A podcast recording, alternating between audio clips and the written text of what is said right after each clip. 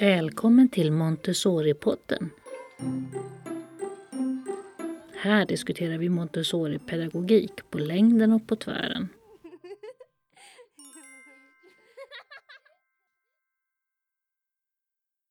Den här veckan har jag samtalat med Catherine McTaminay, författaren till The Tao of Montessori.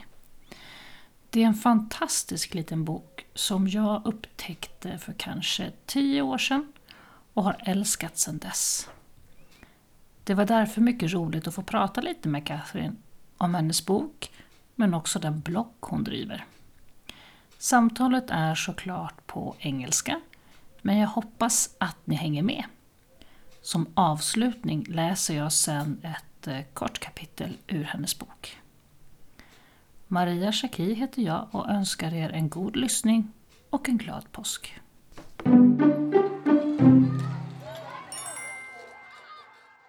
Welcome Catherine McTamaney. You're in Nashville as we speak, correct? I am. I am. I've I've been in Nashville for almost 30 years now, but um, uh, my my Montessori home is still in in the Northeast in New Jersey, um, but mm-hmm. I'm here at Vanderbilt University where I'm a, on the faculty for the Department of Teaching and Learning. Mm-hmm. Um, tell me a little bit about yourself, your background. You're a Montessori teacher from the start, right? I'm a Montessori child before I'm a Montessori oh. teacher. Um, I'm the third child in my family and the only one to go to Montessori school. I think um, mm-hmm. my my mother was a, a, a, classroom teacher in the public schools in New York City, and she and my father moved to the suburbs in New Jersey when my brothers were quite small. I was born when they were living in New Jersey, and she was looking for a different kind of educational experience for me.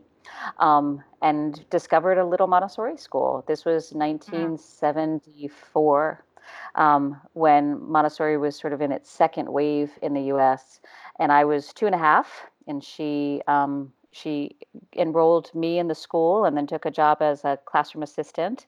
Um, and then over the next oh goodness, 16 years, that school grew and she did her Montessori training. And then we started having Montessori teachers come and stay at our house. And then she started a teacher education program in the US. And then we had more Montessori teachers at the house. and, um, and then all of my summers were spent watching Montessorians at the dinner table, talking at the end of days of training. And, um, and I went to college uh, to be anything but a Montessori teacher um, because it like, been like Maria Montessori herself, anything but a teacher. Yeah. Anything but. I and specifically, I knew I wanted to teach, but I had lived my life surrounded by all of these Montessorians, mm-hmm. um, and I and it was the family business. So you know, my mm-hmm. my early rebellion was that I was going to be a high school English teacher instead. and I started. Um, I taught in a, a, large comprehensive public high school here in Nashville. Um, I was teaching English and history. And I kept um, encountering people who were pointing out that I was teaching differently than was the norm, and it felt felt right to me, and my students were doing well. Um, but I had a telephone call from my mom again, um, saying somebody's just called me from Nashville and she wants to come to New Jersey to do training, but she's not going to take the job that she's been offered. She's just checking it out, but she's been offered a job at a Montessori school. And if you want to get into Montessori, this is a good time to do it because there's just this job available down the road and things were a little um, uh, you know less than ideal in the public school setting that I was teaching within and I thought okay maybe what I need to do is think differently about my roots and where what I've been brought up to do um, and I came back to New Jersey for the summer um, did not take training with my mom went to a different teacher education program. Probably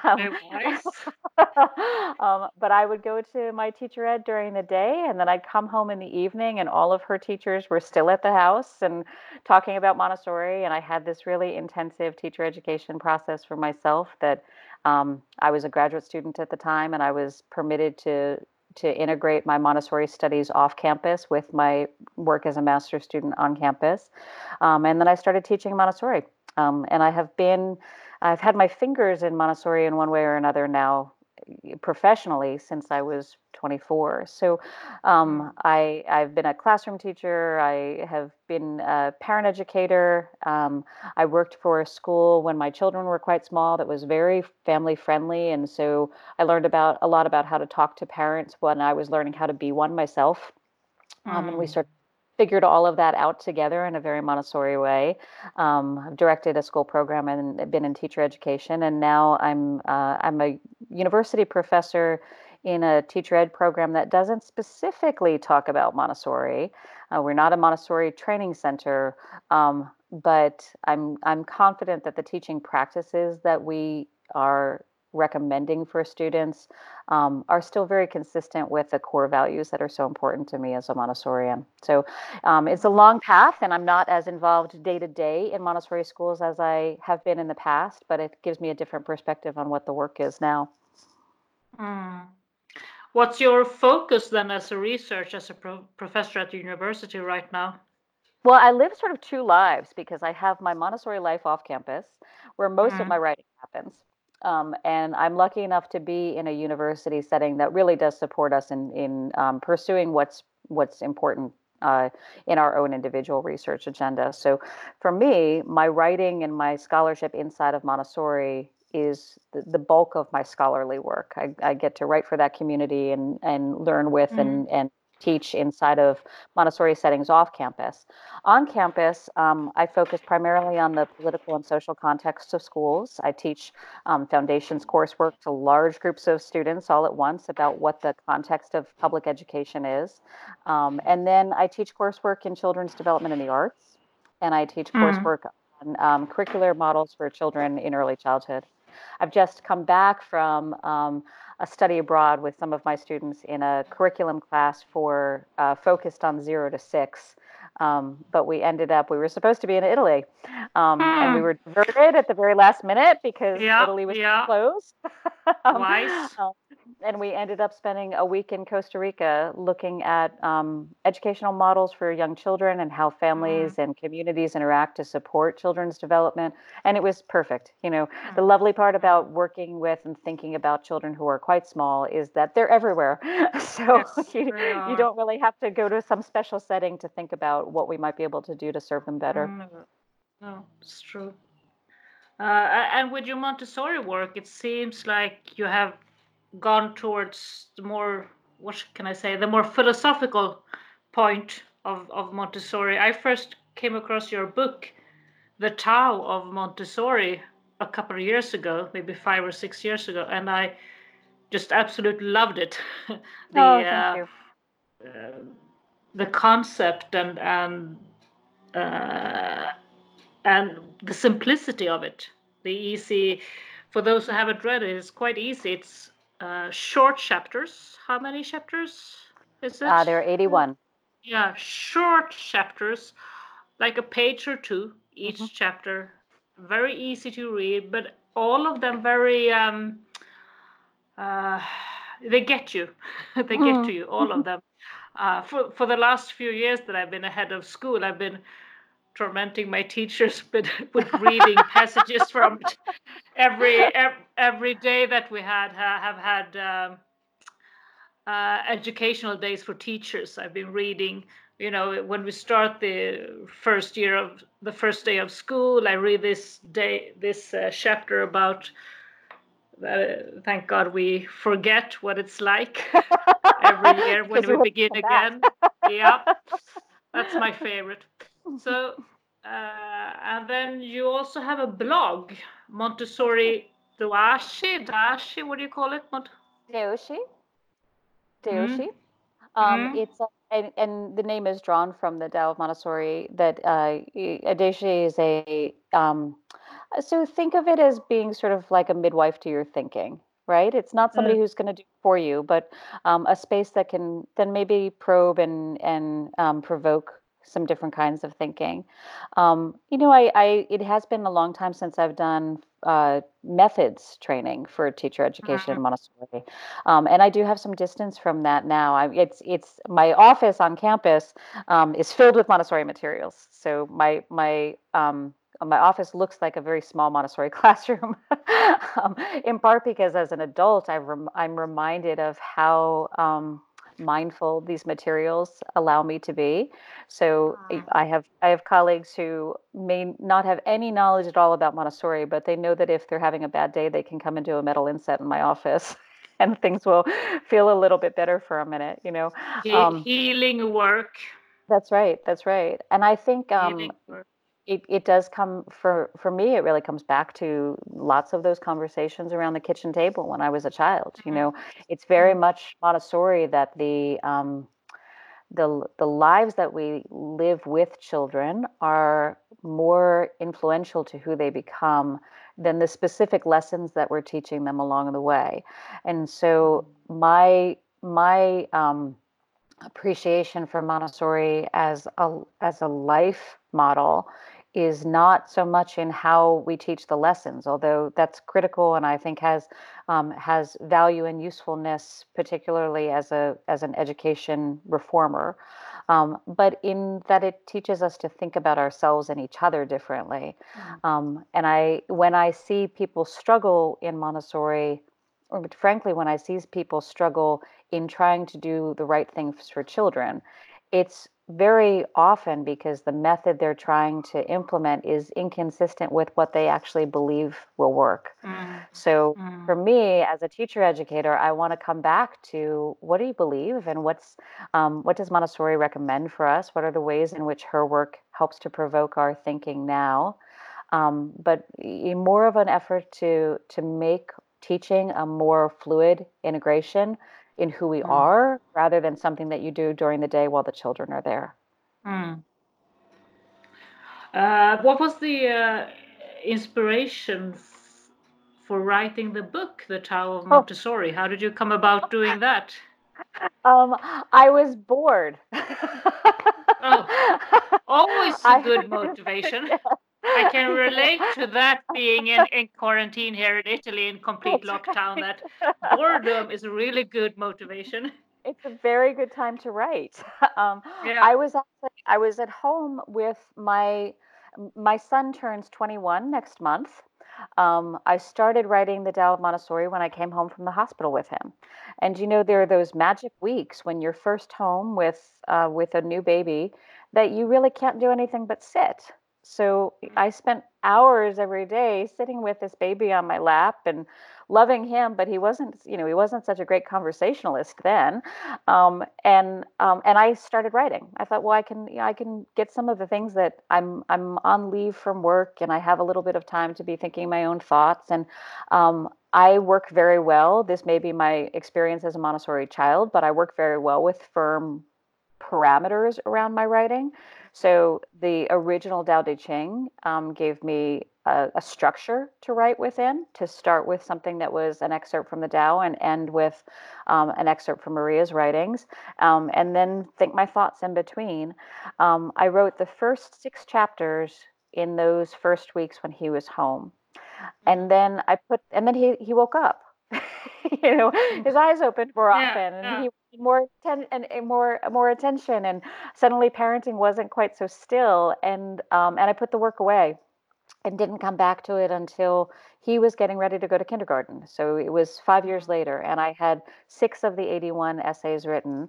Um, and the American Montessori Society had a new grant that they had uh, initiated named for Ursula Thrush. And the Ursula Thrush Peace Seed Grant is a small grant that AMS offers every year to people whose work they think will, will promote peace education and I submitted the remainder of the project for the grant and said I really need um, I this is I'd like to finish this book and I'd like to use the money to be able to to do that work.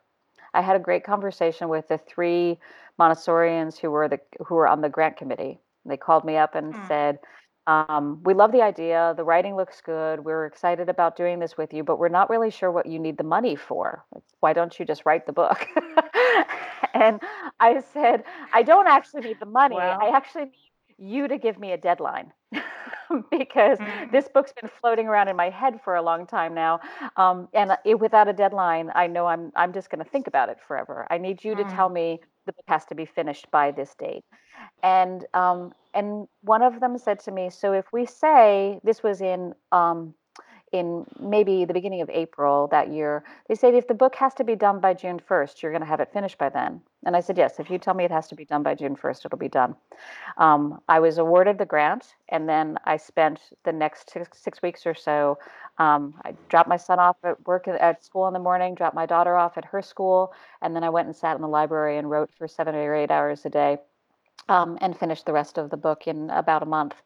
Um, and then it's been out there now since, um, gosh, it's almost 15 years old now. Mm. Um, Mm. uh, it's um, it uh, it wasn't. It, I I will say this often. I didn't write that book for you. They were they were things that I was struggling with as a Montessori teacher that I needed to have. I needed to say in a way that I could hear.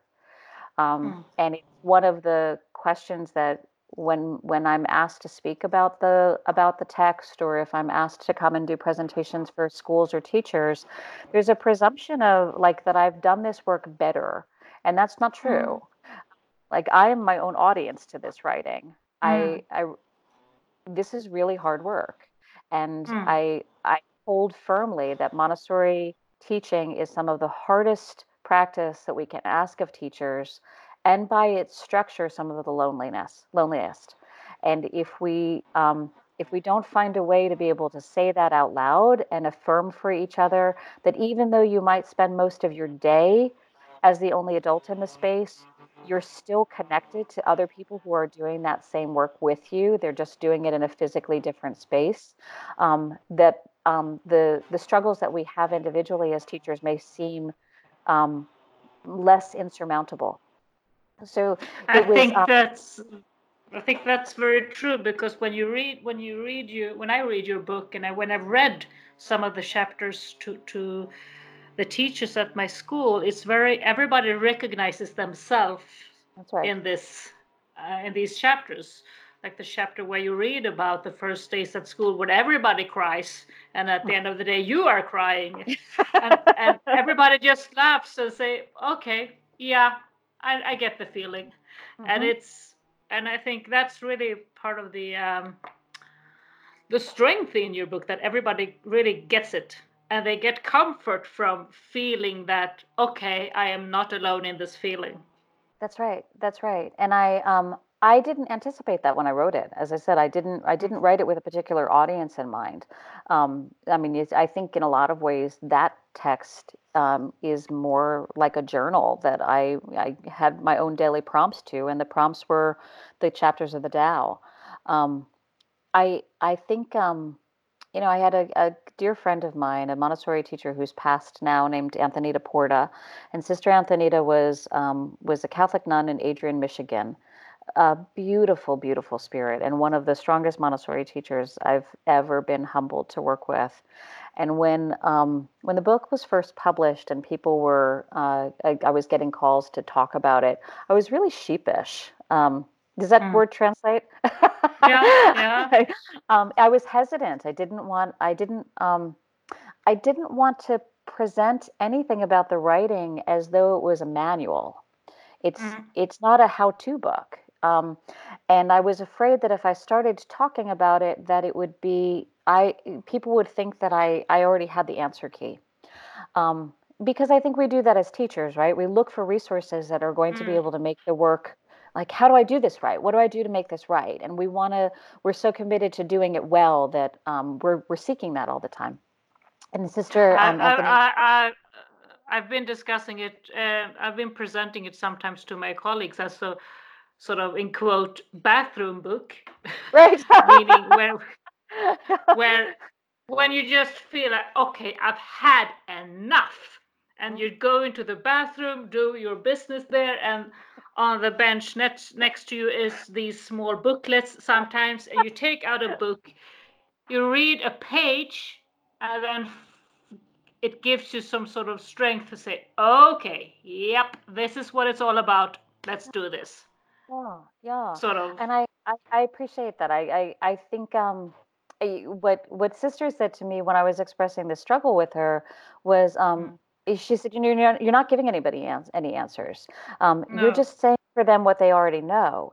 And I think Yeah. that I think that's why it ends up resonating with people in so many different settings is that um, like I, I just have the the luxury of having been able to have time where I could say this stuff out loud.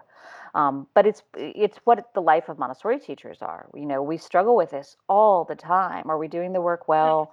Are we living up to the expectations that our, our own teacher educators had of us, or are the parents, or our school heads, or the children? Um, you know, we put so much pressure on ourselves to do this rightly. And the only way that we'll know if we did do it right is if nobody needs us anymore.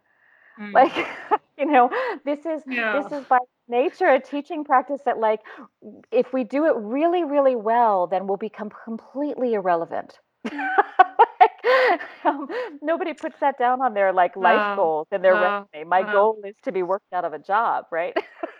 So, Yeah, it's it's it's uh, bizarre, but but uh, sometimes it's also uh, another way of looking at it is getting this kind of, of inspiration for your work. It's not always about learning new things and getting answers. Sometimes it's just about taking out the broken light bulbs oh, and that's put in right. new ones. What a lovely way to And I it.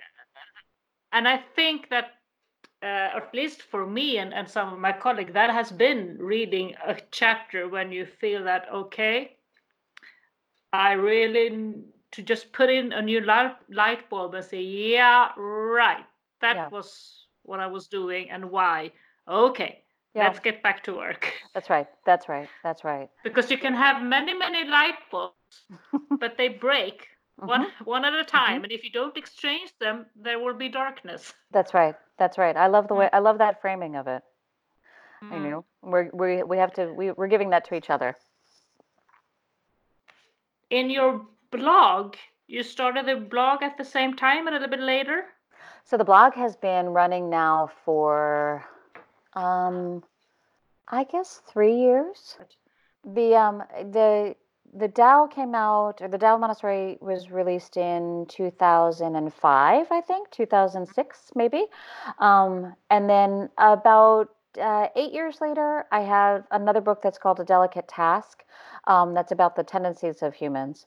Um, but then I started working with a, um, really eager and um, energetic young Montessorian from MIT here in the States, a, uh, a an entrepreneur and very creative thinker named Sep Kamvar.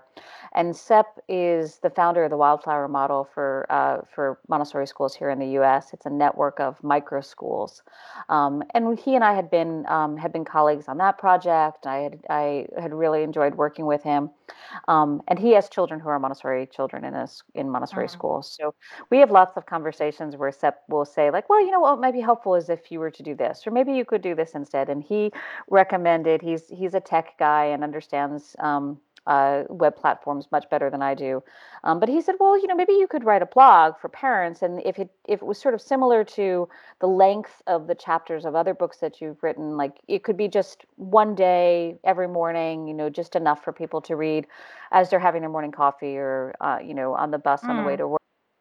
Um, and I was like, "Oh yeah, sure, that sounds fine. That sounds like a that'll that'll be fun." Um, and had no idea that that would mean, you know, writing six new essays every week and publishing them now. And um, Sep has a way of sort of like making se- things seem like, "Oh, sure, you can do that." Like, yeah, I can do that. That'll be fine. That'll be fun. I've got time for that. Yeah. And then all of a sudden, there's this there's this explosion of new work. But um, yeah, so it's it's structured to to come out. Um, every, it comes out about six times a week, typically six times a week, unless something's gone awry on my end.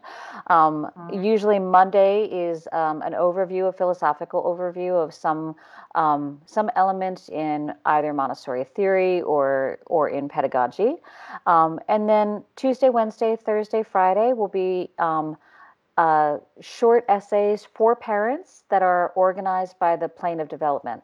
So, if your child is an infant or toddler or early childhood person, one of those essays will be really specific to what um, that week's theme may look like in your house right now you know um, or if you've got a child who's a little bit older or you you have an adolescent there'll be there are essays that will talk about for example freedom of movement. What does this mean as children get older or um, or how to have conversations with your children that remain engaged and and open and authentic but as children age? And then on Saturday typically is a, a an essay that's specifically for teachers. So mm. parents might still read those, but those are sort of more in keeping with um, the way that the Tao of Montessori is written, that it's a little bit of like, okay, you've made it through the week. and um, you might have not have had time Monday through Friday to be reading what we've been pre- publishing for the parents, but now here's a chance on a Saturday morning for for you to take a little breather and and think about Montessori um, just in a very short way. Um, so it can, it par- parents and teachers can either log on to the site and see the content every day, or they can subscribe to it. In which case, then it comes as an email to your inbox. Mm. And I've been so grateful that um, it, it's published under a, co- a, Creative Commons license, and that was on purpose. It's not. It, I don't. I don't earn anything on the blog. It's just available for people to use as as it might be helpful to them. Um, but schools can reprint it um, or they can share it on their social media or things like that. Um, and they're manageable. It's not, it's not, um, it doesn't feel like homework, I, I don't think, you know, no. Um, like they do, but hopefully, hopefully just a resource um, for people to have a little bit more information, like bites to sort of inspire your curiosity as a parent or to mm. give you different language to use in asking questions for about how things work at school. And then again the work for teachers of trying to remind people that we're part of a of a network and community of teachers that may not mm-hmm. always be visible to you but is always out there and i think the the the part the the, the parts you write for for well both for teachers but also for parents is very inspirational in a way where you don't um, it's more uplifting than mm-hmm. telling them what to do sort of showing them in what could be possible to do, but not. Sometimes today, advice for parents can be very. Um, I don't know how to express it, but to, to just show them how to do without any humility in right, it. And right. these are quite humble writings, I would say, and that makes it probably easier for parents to digest. Well, parenting's very hard. Yeah. you know? And I say I don't think we do I don't think we do each other any service if we pretend to know more than we actually do. You know, at the end of the day, all of this is just your best guess. Mm. Um, mm. you know, we, we, like these are things that I think um, theory and Montessori philosophy suggest that this may be a way that that um, makes things more peaceful or that allows you to have a different kind of connection to your child but I mm. wouldn't ever dare to know that I know all of the dynamics inside of somebody's home. And I think that I think the kind of checklisty qualities that really make you feel like you're already like you're doing it badly as a parent. I mean, each of us Mm. is doing the very best work we can do. Um, nobody sets out to raise their children poorly, you know. Um, No, so it's no. just, but it's very hard work, and um, and it it is its own humbling work because you know it's Mm. like we. I think I think parenting looks so much easier before you're doing it yourself. And hmm. I remember when I was a new teacher, I had uh, one of my teacher educators said to me, "Oh, Catherine, you're going to feel really differently about this when you have your own kids."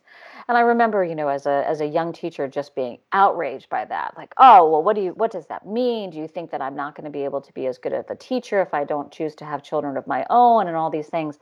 And then I had my own children, and I realized what she meant was not that my practice as a Montessorian would be different, but that my understanding of how hard the work is, of how much more complicated it is than you can learn in a teacher manual. That's what what changed is like mm. realizing how much more painful parenting can be. That mm. um, you have you've put your whole everything about your life is in this person who's now walking in the opposite direction Mm. And I, th- I, I don't think we do any any good for each other if if we make that work feel if we if we try to support each other by first reminding them reminding or pointing out what you think somebody's done wrong you know mm. it doesn't work in teaching children i don't you know no, i can't imagine no. it would work in in in being supportive to parents either you know what what do you think the biggest challenge is for parents today oh i i think it's the same challenge that we have for for everybody. I think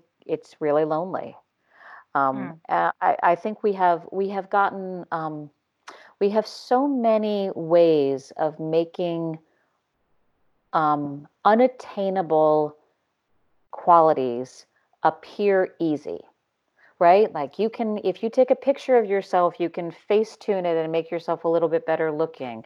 You can mm-hmm. run your writing through a grammar check and have somebody else correct your grammar for you. And that's probably not even a real person, but a program that a computer can make your writing stronger than you could make it yourself. And your cars tell you where to turn. Like everything is done in a way that perfection seems to be the goal.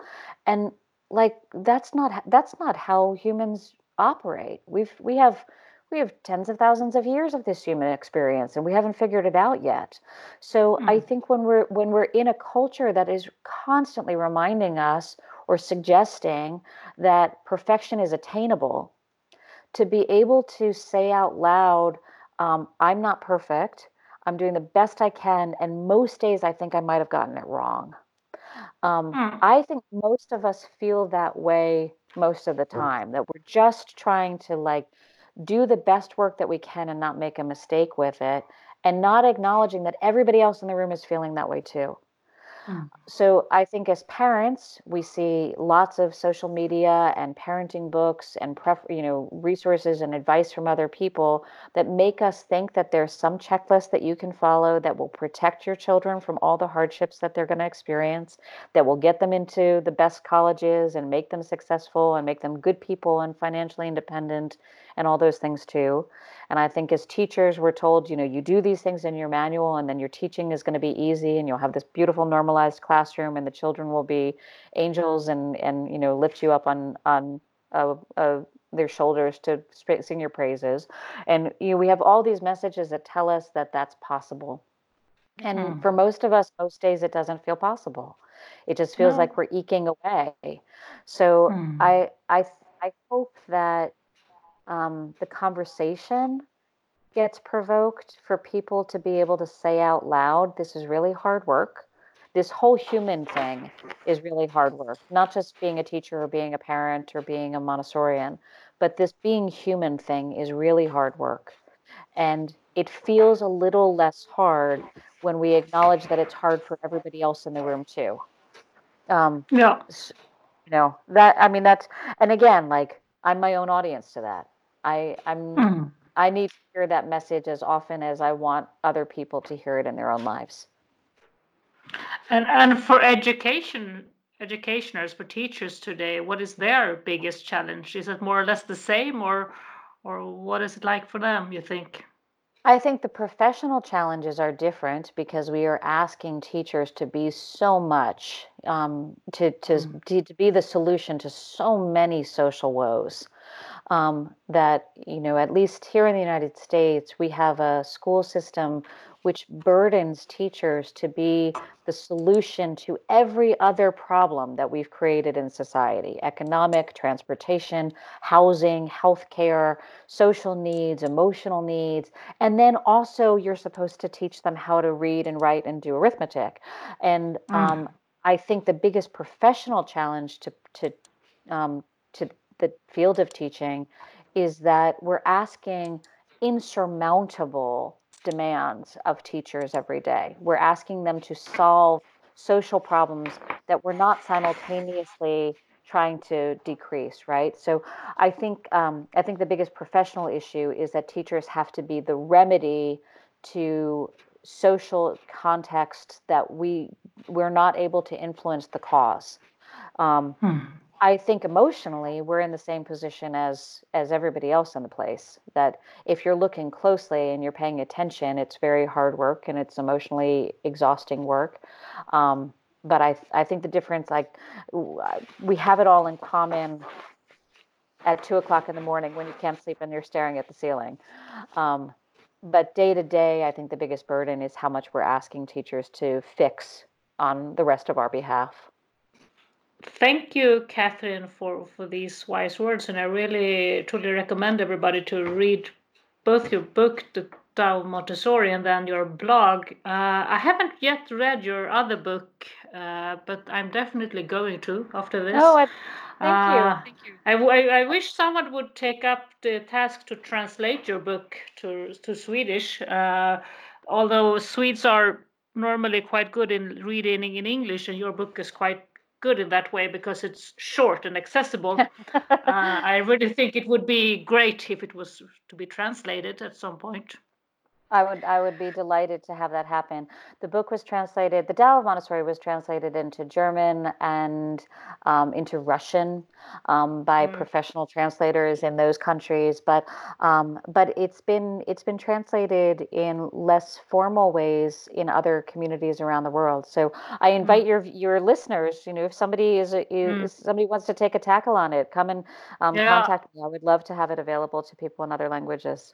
So nice talking to you, Catherine. It was great to speak with you. Thank you so much for the invitation.